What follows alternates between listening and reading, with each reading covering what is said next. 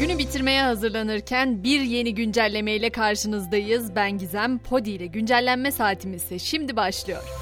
Amasra'daki maden faciası bugün meclis gündemine taşındı. Enerji Bakanı Dönmez verdi bilgileri. Madende son denetimin Ağustos'ta yapıldığını ve olumsuz bir durum olmadığını söyledi. Madende uçaklardaki gibi bir kara kutu olduğundan da söz edildi ve tüm ölçümlerle konuşmaların kaydedildiği, yine o kara kutunun da incelendiği belirtildi. Bu arada Amasra soruşturmasında ifadeler de alınmaya başlandı. Kazaya neyin yol açtığı soruşturma sonrasında belli olacak.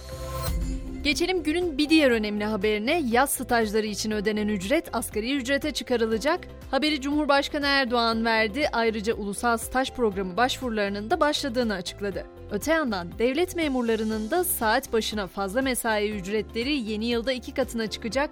Yeni yılda fazla mesai ücretleri memurlar için 2 lira 70 kuruş artarak 5 lira 40 kuruşa yükselecek.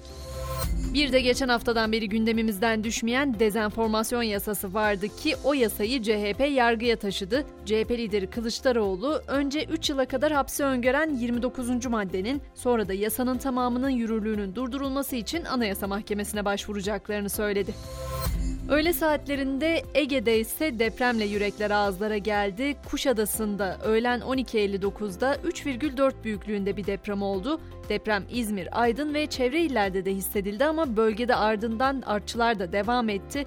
3,1 ve 4,1 büyüklüğündeki artçı depremler panik yarattı. Şimdi biraz da dünyadan haber verelim. Ukrayna Cumhurbaşkanı Zelenski, Rusya'nın hava saldırılarında ülkesinin elektrik santrallerinin %30'unun kullanılamaz hale geldiğini açıkladı. Bu nedenle ülke genelinde elektrik kesintileri yaşanırken bu noktadan sonra Rusya ile müzakere edecekleri hiçbir şey olmadığını ifade etti.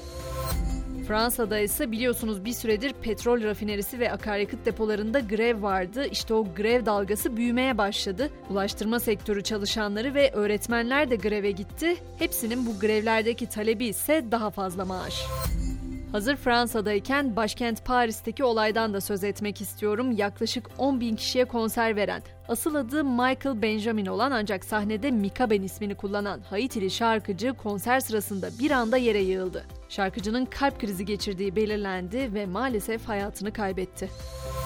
Şimdi biraz da teknolojik gelişmelere bakalım. Apple Store online mağazasını yeni iPad Pro modelleri öncesinde geçici olarak kapattı. Önümüzdeki saatlerde karşımıza iki yeni iPad Pro modeliyle çıkması bekleniyor şirketin. Tabletlerin tanıtımında bütün gözler bu ürünler için Türkiye merkezli bir fiyat artışının beklenmediğini de belirtmek isterim. Çoğumuz TikTok uygulamasını yalnızca gençlerin kullandığını düşünüyoruz ama TikTok sadece gençlere yönelik olmak istemiyor ya da en azından öyle olmamaya çalışıyor. Yalnızca yetişkinlere yönelik bir içerik seçeneği getiriyor şirket. Ayrıca platformda canlı yayın yapmak yakında yalnızca 18 yaş ve üstü içerik üreticileriyle sınırlı olacak. Almanya'dansa Telegram'a ceza var. Almanya Adalet Ofisi Telegram'a 5 milyon 125 bin euro para cezası kesti. Cezanın gerekçesi ise sosyal medya uygulamasının temsilci atamaması. Şimdi çok dikkat çekici bir haberle sizi Kanada'ya götüreceğim. Uber Eats Toronto şehrinde 19 yaşından büyük müşterilerine esrar teslimatına başladı.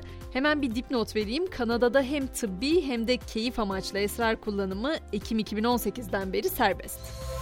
Ve biraz da ikonik kadınlardan bahsedelim. 2000'den fazla kişinin katılımıyla son yıllara damga vurmuş kadınlar arasından son 60 yılın en ikonik kadını seçildi. Sizce o ikonik kadın kim? O en ikonik kadın 8 Eylül'de hayatını kaybeden İngiltere Kraliçesi 2. Elizabeth oldu. Yurt dedik, dünya dedik, uzaya da bakalım. Amerika güneşi karartmanın yollarını arıyor. Hava araçlarıyla stratosfere ince bir sis tabakası yayarak güneşi karartmayı hedefleyen projenin amacı atmosferdeki sera gazlarının neden olduğu ısınmayı azaltmak, böylece dünyaya ulaşan güneş ışığı miktarını da değiştirmek. Hemen spordan da haber verelim. Basketbol Süper Ligi'nin 3. haftasına bugün 6 karşılaşmayla devam ediliyor. Anadolu Efes saat 20'de Valencia Basket'i, Fenerbahçe ise 20.45'te Asvel'i konuk edecek. Ve Katar'da 21 Kasım'da başlayacak Dünya Kupası için şu ana kadar 3 milyona yakın bilet satıldığı açıklandı. Peki en çok biletin alındığı ülkeler hangileri sizce? Bu ülkeler Katar, Amerika ve Suudi Arabistan oldu. Podi ile son güncellenmemizle birlikte günü de tamamlamış oluyoruz. Yarın sabah tekrar görüşmek üzere. Şimdilik hoşçakalın.